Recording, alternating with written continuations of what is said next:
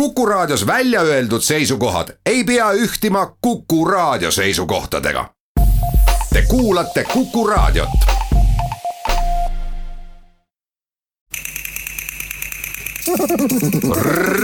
reisirada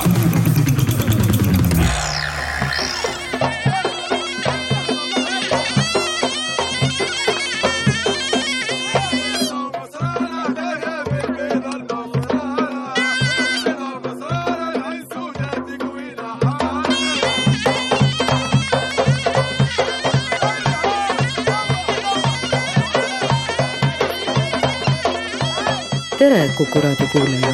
tervitan teid saatesse Reisirada, mis seekord viib meid veel suviselt soojale maale. see on Põhja-Aafrika väiksem maa, Tuneesia. kõigepealt ütlen teile Aslama, mis selles lillelises keeles tähendaks tõlkes olgu sul turvaline. võib ka öelda salam, mis tähendab olgu rahu sinuga.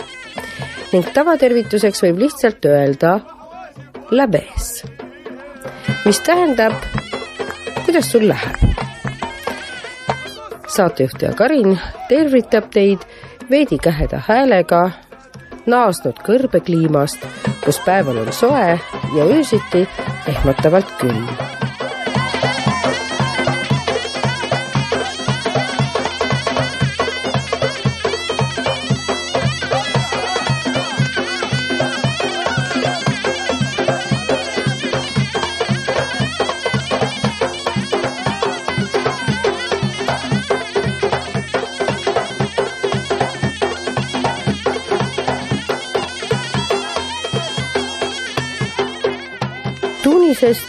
ühe lennutunni kaugusel algab kõrb.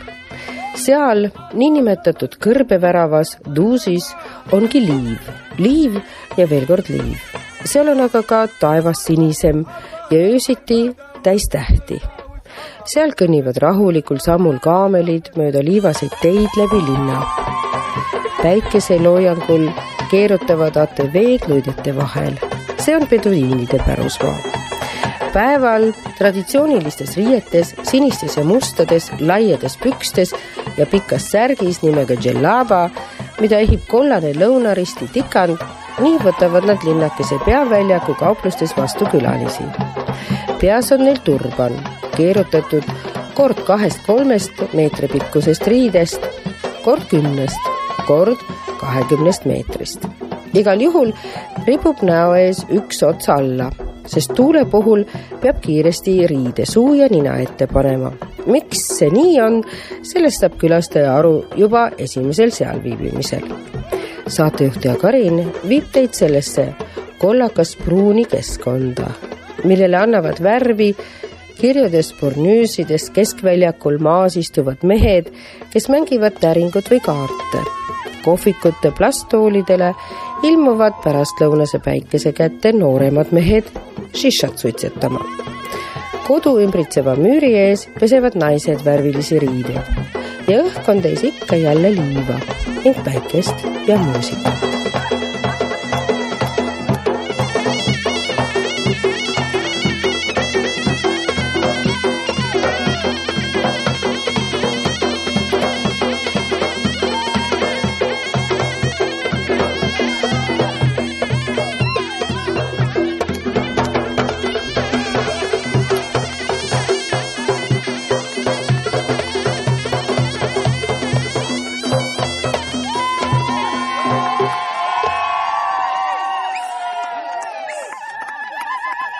Aasta kaks tuhat kolmteist. kogu Tuneesia on haaratud jasmiinirevolutsiooni järgsetest rahutustest. kogu Tuneesia? ei, üks uhkete peduiinide poolt asustatud oaasilinnake, nimetatud ka kõrbeväravaks, on rahulolev ja unistav nii nagu algavad lood Asterixi ja Obelixi koomiksites väikese Gallia küla kohta, võiks alustada lugu Alžeeria piiri äärsest kõrbeoaasist Duusist Taher, meie giid Džerba saarelt, selgitab lõunalauas, et just sealsed inimesed nimetavad end ka teisiti kui ülejäänud tuneeslased.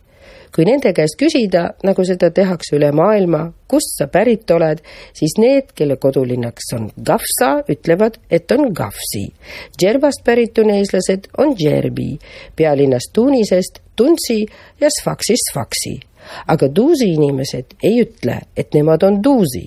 Nemad nimetavad end Merzugi, sest nemad on uhked selle üle, et nad on nomaadid ja pärinevad Merzugi hõimust. If we ask someone where do you come from, like everywhere in the world, if we come for example, uh, I come from Gafsa, I say I'm Gafsi, okay? According to Gafsa, my city, okay? Uh, if uh, someone comes from Jerba, the island, he says I'm Jerbi. Someone who comes from Tunis, I'm Tunsi. From Sfax, I'm Sfaxi. But in Duz, you ask him, where do you come from? He don't say I'm Duzi. He say I'm Marzugi. Why Marzogi? It is uh, according to this uh, Mrezik tribe, this nomadic people. They used to move, they used to, to live entertained. They are proud about their origin, uh, our nomadic origin. They are uh, tribes. They don't say, I'm Duzi the city, they, uh, they say, I'm Marzugi. That means that he belongs to this Mrazik uh, tribe uh, who used to move and uh, to uh, live under tent. Saarelt, selgitab lõunalauas, et just sealsed inimesed nimetavad end ka teisiti kui ülejäänud tuneeslased. kui nende käest küsida, nagu seda tehakse üle maailma, kust sa pärit oled, siis need, kelle kodulinnaks on Gafsa, ütlevad, et on Gafsi. Džerbast pärit tuneeslased on Džerbi, pealinnast Tunisest Tunsi ja Sfaksist Sfaksi. aga Duusi inimesed ei ütle, et nemad on Duusi, nemad nimetavad end Merzugi sest nemad on uhked selle üle, et nad on nomaadid ja pärinevad Merzugi hõimust. reisirada.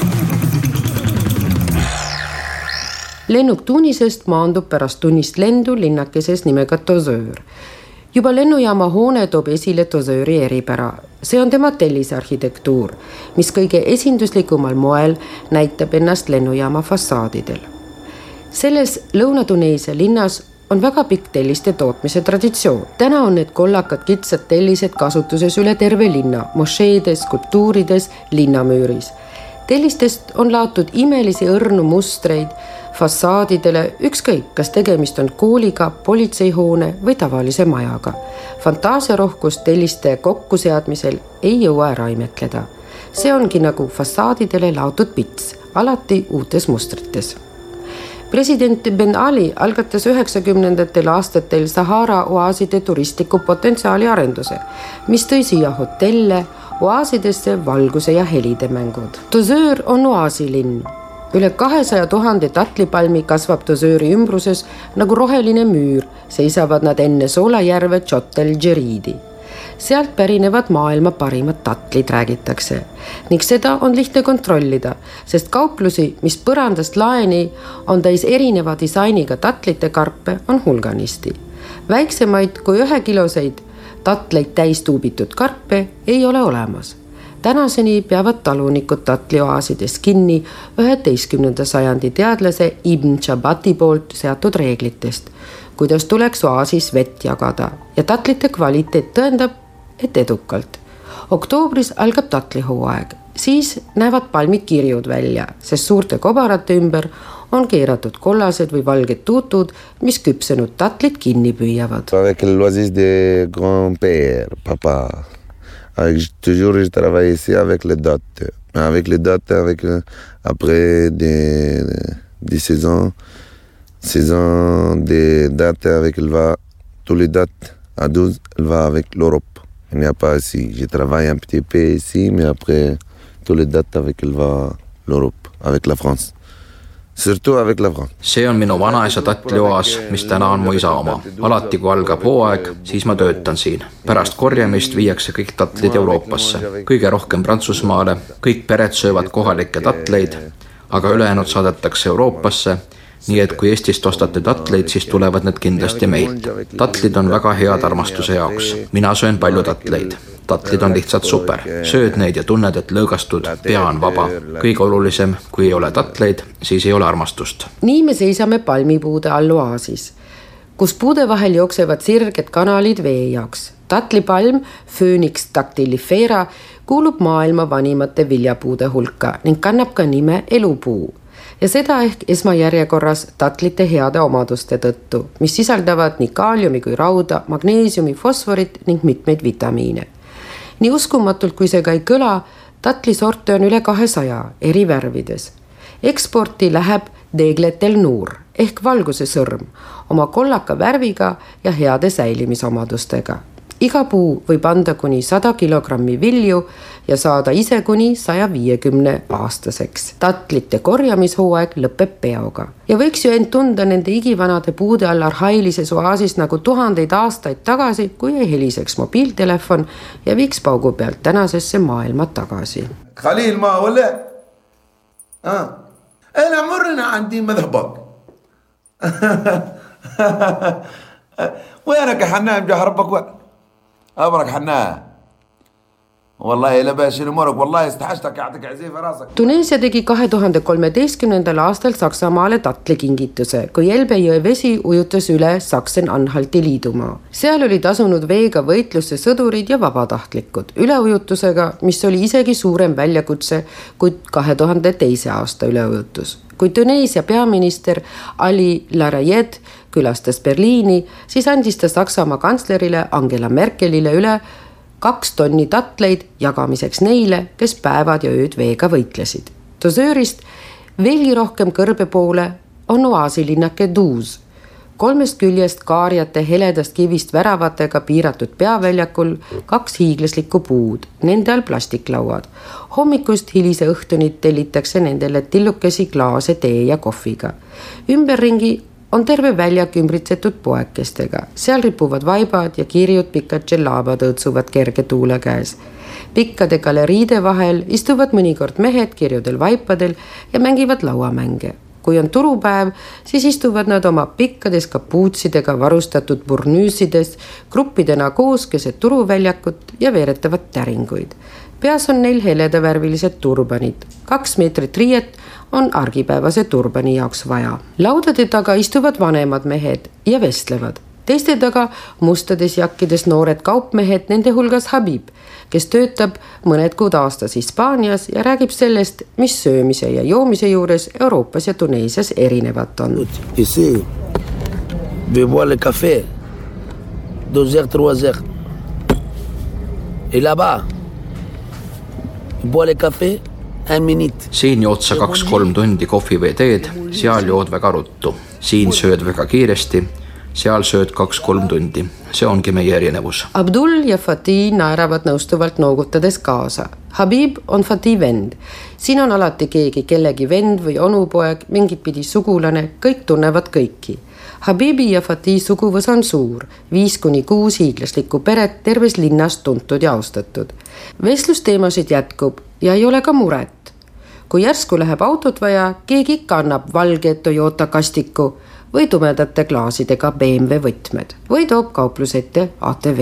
kui on vaja hobust, siis kõrbes on sugulane Abdul ja dromedaar on Mohammedil, mis tuuakse Toyota kõrvale. nii lihtne võib elu olla Duusis ja rahulik, sest siinses õhkkonnas ei ole kellelgi kusagile kiiret ja tänavapildi juurde kuuluvad nii nagu ammustel aegadelgi eeslid ja hobused kaarikutega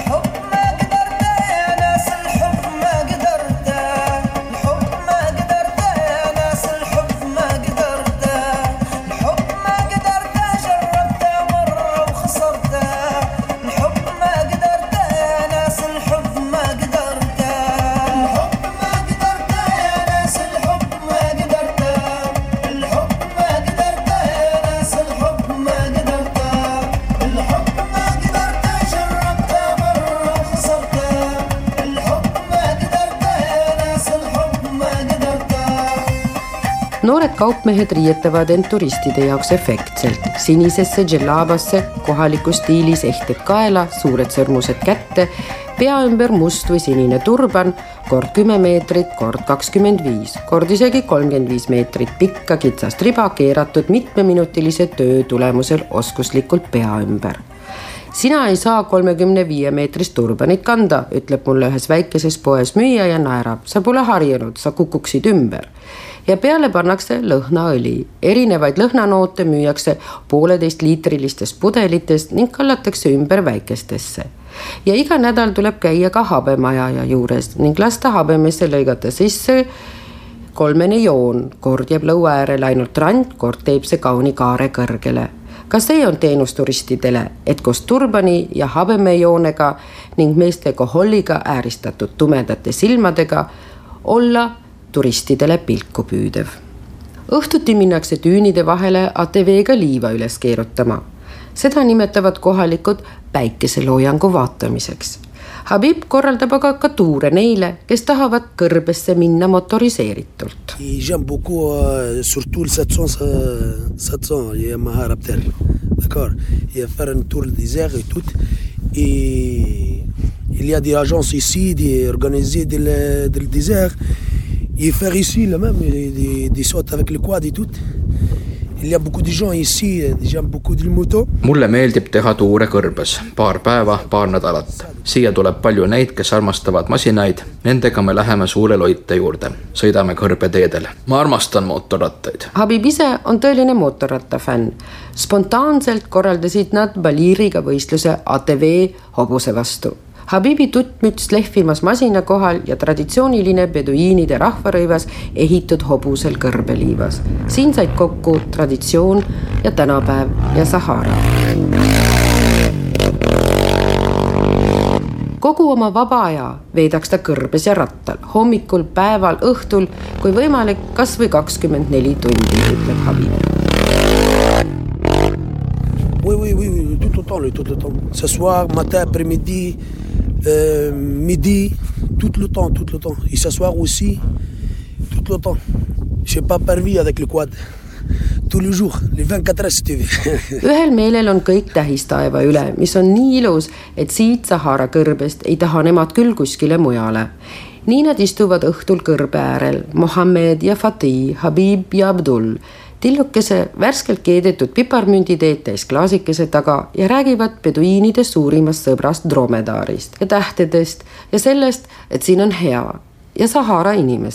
Les gens de Sahara au niveau d'hospitalité euh, c'est dans nous, c'est dans nos traditions et nos habitudes. Parce qu'à l'époque, quand on était des nomades, on est encore, toujours en passant, traverser des heures, passer par des campements, on a toujours des tentes à part. Sahara inimesed on külalislahked, see on meil sees, see on meie traditsioon, meie kombed. see on läbi aegade nii olnud. nomaadid olid pidevalt teel läbi kõrbe ja alati oli neil kaasas telk ning see oli ka kõikide jaoks, kes teel olid, igaüks kutsuti telki sööma. nomaadid, beduiinid on erilised, leiab Mohammed, kes istub kõrbeäärses kohvikus, ees klaasike teed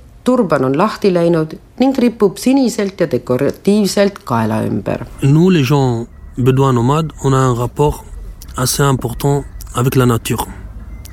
Et surtout la nature désertique, la nature du Sahara. Parce que pour trouver son âme, pour trouver la paix, pour se sentir bien avec soi-même, faut partir dans le désert. On est basé, notre vie est basée sur le respect, sur la confiance, et sur l'hospitalité. En parlant de l'hospitalité, par exemple, si vous partez avec vos dromadaires traverser les déserts, vous rencontrez des campements des nomades. Toujours, on a des tentes plantées un peu plus loin du campement. Ça, ça s'appelle la place des invités. Vous serez invité à manger, invité à boire et participer à la soirée avec eux, en même temps dormir. Meie jaoks on alati olnud oluline elada koos loodusega ja meie jaoks tähendab see esmajärjekorras kõrbet. et leida rahu ja tunda ennast iseendas hästi, selleks me lähemegi kõrbesse. meie elu rajaneb austusel, usaldusel ja külalislahkusel. kui minnakse kaameliga kõrbesse ja möödutakse laagrist, siis pannakse telk alati üles laagrist kaugemale, see on küllakutse märgiks. see tähendab, olete kutsutud meiega koos sööma, jooma ja meiega ühiselt õhtut veetma. Samal ajal saate ka puhata ja magada. igal asjal on oma hind ja selle hind on külalislahkus. ja kui me räägime nomaadidest, siis me räägime alati külalislahkusest. see on nagu meie sümbol. kui teil on võimalus olla seal, teil on võimalus õppida tundma nomaade, siis õpite tundma ka väärtust, mis tähendab olla tervitatud, olla hinnatud. kui me räägime nomaadidest, siis me räägime samas ka kaamelitest, dromedaaridest. see suhe on väga oluline. see tähendab sõprust terveks eluks. võin öelda, et kuskil mujal maailmas ei ole sellist sõprust inimese ja looma vahel, nagu seda võib leida kõrbest. sest siin jagab inimene oma elu kõrbes, olles loomaga, kes teda saadab. ja tõeline nomaad vajab seda, et ta saab rääkida oma dromedariga ja ta räägib talle kõigest ja tal on ka tunne, et tema kaamel mõistab teda mis ta talle ütleb. mõnikord on lihtsam rääkida oma loomaga, kui rääkida iseendaga. Mohammed rõhutab ka seda, et siin ei ole vaja suuri materiaalseid väärtusi. keegi ei räägi sellest, mida sa omad mida veel vaja oleks endale muretseda. siinsed väärtused on traditsiooniline elu, see, et keegi sind aitab, toetab, mõistab. Moi personnellement, j'étais plusieurs fois chez les gens Touareg et j'adore leur habit, j'adore leur dromadaire. D'une façon, de temps en temps, je peux emprunter l'identité de l'autre, mais juste emprunter, utiliser quelque temps parce que j'adore une culture, c'est au niveau culturel. Comme arrive à vous les Européens de temps en temps, où vous venez dans un endroit vous sentez touché par une culture. mul isiklikult on sidemed tuareegidega ja ma imetlen tuareegide kaameleid. mõnikord tahaksin ma olla nagu nemad, sulanduda sellesse kultuuri, nii nagu ka eurooplased, kes siia tulevad ja puutuvad vahepeal kokku täiesti teistsuguse kultuuriga. me jääme alati nomaadideks, kes imetlevad Saharat ja oma dromedaari. me oleme alati ühed ja samad, me ei muuda oma identiteeti. mina olen näiteks täna valinud sinise peakatte sest ma imetlen sinist värvi. see on kaks meetrit pikk riie tuareegi värvides. ma imetlen nende värvi, aga see ei muuda minu elu. ma olen ja jään peduiiniks. ka Euroopast tuleb inimesi siia selle eesmärgiga, et veeta paar päeva kõrbes. aga on inimesi, kes esitavad selliseid küsimusi, et kõrbes, seal ei ole ju elu, seal on tühjus. Ils viennent ici, ils posent la question, mais le désert, c'est le Sahara, c'est un désert, il n'y a rien du tout. Non, il y a une vie complète dans le désert. Il faut savoir vivre. Il faut savoir vivre avec la nature. on tõepoolest inimesi, kes küsivad, kuidas seal elada saab. ei, see pole nii. kõrb on elu täis. sa pead teadma, kuidas seal elada. seal on elamisviis olla otse looduse sees. oled seal üks-kaks päeva ja saad aru, et seal on romantiline, tasakaalukas, rikas, väga tundlik elu igast küljest. paljudel ei ole seal kerge olla. sa vaatad iseenda sisse, see on side iseendaga ja oma loomaga. seal leiad sa iseenda. see on see, mis teebki kõrbe rikkaks, mis võimaldab kõrbe inimesel Saharas elada ja õnnelik olla. Saharas on elurõõm. Sahara tähendab tegelikult tõlkes mitut kõrbet ja viitab sellele, et Sahara koosneb rohkem kui ühest ja ta on hiiglaslik maailma suurim kuiv kõrb. kakskümmend kuus korda nii suur kui Saksamaa, nagu ookean laiub ta kokku üheteist maa pindalale Aafrika põhjaosas. ta moodustab ühe kolmandiku Aafrika kontinendist. ta on umbes üheksa miljonit ruutmeetrit suur ja seega neli viiendikku kogu Euroopast.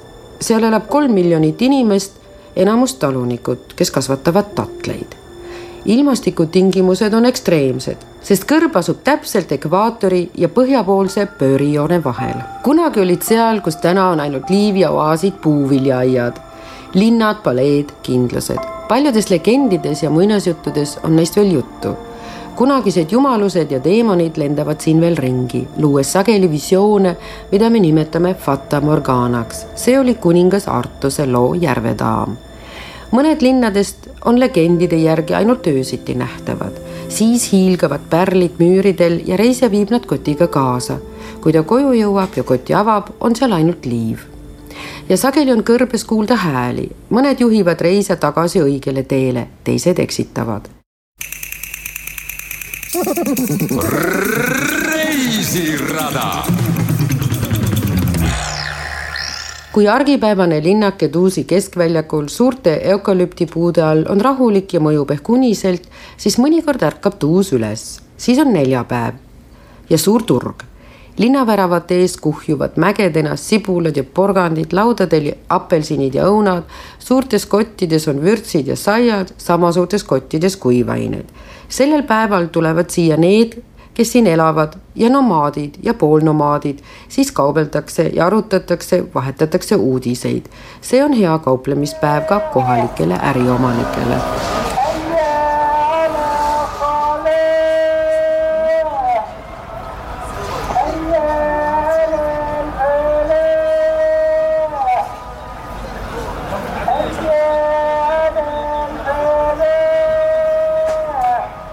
veidi eraldi keskväljaku turust varju pakkuvate tatlipalmide all on loomade turg.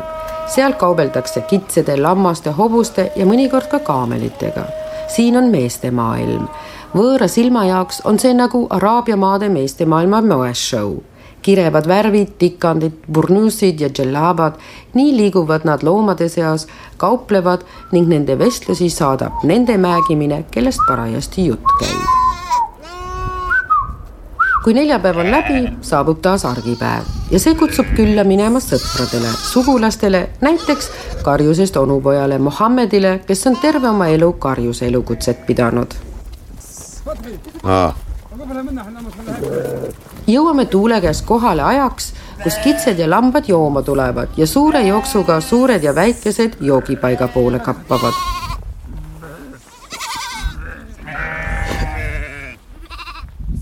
Selleks, et maitsta tuha sees valminud ja seejärel puhtaks klopitud lumivalget kõrbeleiba, tulebki minna kitsede ja lammaste keskele, sõita kõrbeteedel teadmatusse ja lõpuks jõuda kohale peduiinidest karjuste juurde.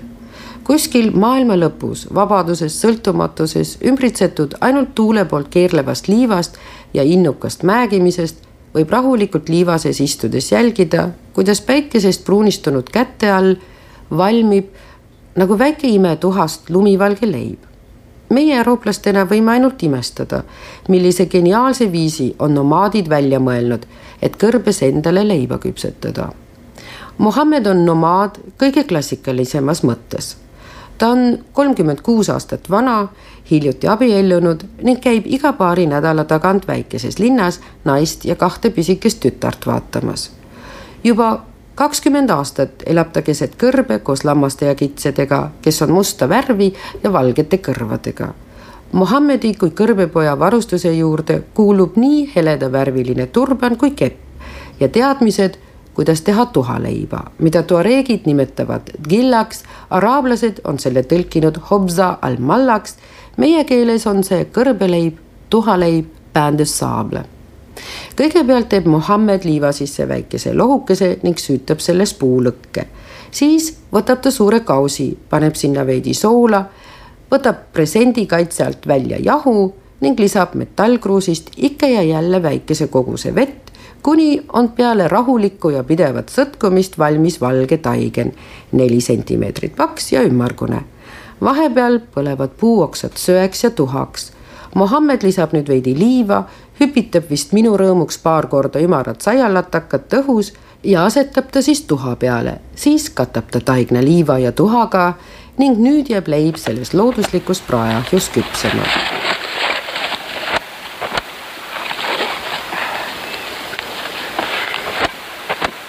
vahepeal räägime me sellest, et võiks sadada vihma, siis muutuks kõrb imekauniks ja Mohammed palub minult endale minu fotokotikest, et peita sinna oma mobiiltelefon. kiirelt kinnitab ta lilla kotikese oma sõjaväevöö külge ja ma loodan, et telefon on nüüd peene lendleva liiva eest paremini kaitstud ning aitab Mohammedil kindlamalt hoida ühendust maailmaga väljaspool kõrbe. شربت انت انا قلت لك يشرب يجعلك شوشن هذاك يدلك الوضع بتاعته قلة الماء يدلك الوضع يخف لك الاعصاب واحد لكن أيوه قول ولد عمك وقت تشرب تو تسمعها أنا معك في الزواج مليح ولا شوي ربي kui umbes kakskümmend minutit on möödunud, võtab Mohammed leiva tuhasest välja, võtab kätte oma pruunika ja raske keebi ning klopib ülejäänud tuha maha. soe krõbeda koorikuga leib on imevalge ja puhas. Mohammed murrab leiba ja jagab meile laiali. Hobza on soojalt ja krõbedalt nii uskumatult aromaatne ja maitsev, et Mohammedi rõõm eurooplase silmist paistvast elamusest seguneb minu naudingurõõmuga. اللي كان خليني وحداني من أيام زمان آه وما عندي جزر يا دنيا علاش ما دمت صبر وقلبي ما تعناش ما عندي جزر يا دنيا علاش ما دمت صبر وقلبي ما تهناش يا رب العالي العالي دنيا العيان الواش يا رب العالي العالي kes tahab Tuneesia tõelist võlu avastada, istub kõrbeväravas kaameli selga ja õõtsub mugavalt kõrbesse. Tuneesia lõunaosas on Sahara kõrb, vähemalt väike osa sellest, aga ikka veel küllalt suur, et siin ilma giidita ära eksida autoga saab sõita Dahar mäestiku serpentiinidel Matmataasse, vanasse kindluslinna Tšenini ja Tatooini, kus aastakümneid tagasi toimusid filmi Star Wars võtted sealt viib tee mööda berberite koobaselamutest, tigroldüütidest ja Sahara väravasse Duusi ja Kebilisse ning Soolajärve Jot el Džeriidi juurde, sealt edasi Dosööri ja Neftasse. Need aga, kes jäävad Saharasse, peavad vastu kõrbejahedusele tumedas öös näevad taevast, mida Euroopas veel vähestest paikadest ainult näha saab. Nemad saavad kuulata ka nomaadide laule nagu laul Lõuna-Tuneesia suurimalt poeedilt Abdellatif Belgassemilt, kelle laulu nimi on Päike ja mis võrdleb naist päikesega. teised, kes kaasa häälitsevad, avaldavad oma hüüetega tunnustust ja nõusolekut. Aga enne seda kuulame veel meie giidilt Taherilt, kuidas Tuneesias ja Kõrbeväravas tervitatakse ja head aega öeldakse sest kuigi Araabia maailmas räägitakse üht keelt ja mõistetakse seda, milles kirjutatakse raamatuid ja ajalehti, siis eksisteerib tohutult palju dialekte uh,. To say hello, for example, we say aslema with a, aslema, okay? To say goodbye, it will be with b, we say beslema. That means aslema, hello Beslema with be goodbye, aslama beslema. meie ütleme tervituseks aslama, ütleb Taher ja kui me ütleme head aega, lisame be ja sellest saab bislama. To ask how are you, okay, it is the same word, labes. We ask labes, this means are you okay or how are you? The answer is also labes, but we add uh, this magic word, alhamdulillah we thank uh, God, okei okay?. kui me küsime, kuidas läheb, siis me ütleme labes ja vastus on ka labes. lisatakse sellele veel maagiline sõna hamdulillah, mis tähendab Jumalale tänu samas on just lõunas veel omaette sõnad, mis põhjas tundmatud. kui küsitakse labes, siis sageli on vastuseks abarak, mille tähendus on paremini. päris omaette küsimus on šneieuelek mille vastus on samuti abarak pluss mõnikord traditsiooniline hämdulallää. tänu Jumalale, sest küsimuse põhiolemuses on peidus küsimus ega midagi halvasti ei ole. Generally uh, when we say uh, aslama uh, shniyahwelik we don't say labes we say uh, shniyahwelik uh, how are you no? uh, in those the answer is abrak that means better something like this. Uh, okay? Uh, it's like alhamdulillah. Uh, abrak, but they say abrak alhamdulillah also sometimes, but uh, they don't say labes. Generally we, uh, we hear abrak mm -hmm. and that means better. saate tehnilise külje eest vastutas Veiko Rebane, saatejuht ja Karin soovib lume kõrvale ka päikest ja jätab hüvasti veel ühe õpitud hüvastijätu sõnaga, alahir lõpetuseks Abdellatif Belgassemi laul Päikesest, millele sõbrad ja kolleegid kaasa laulsid ning toogu see laul teile sama palju rõõmu ja energiat nagu entusiastlikele lauljatele endile. Alahir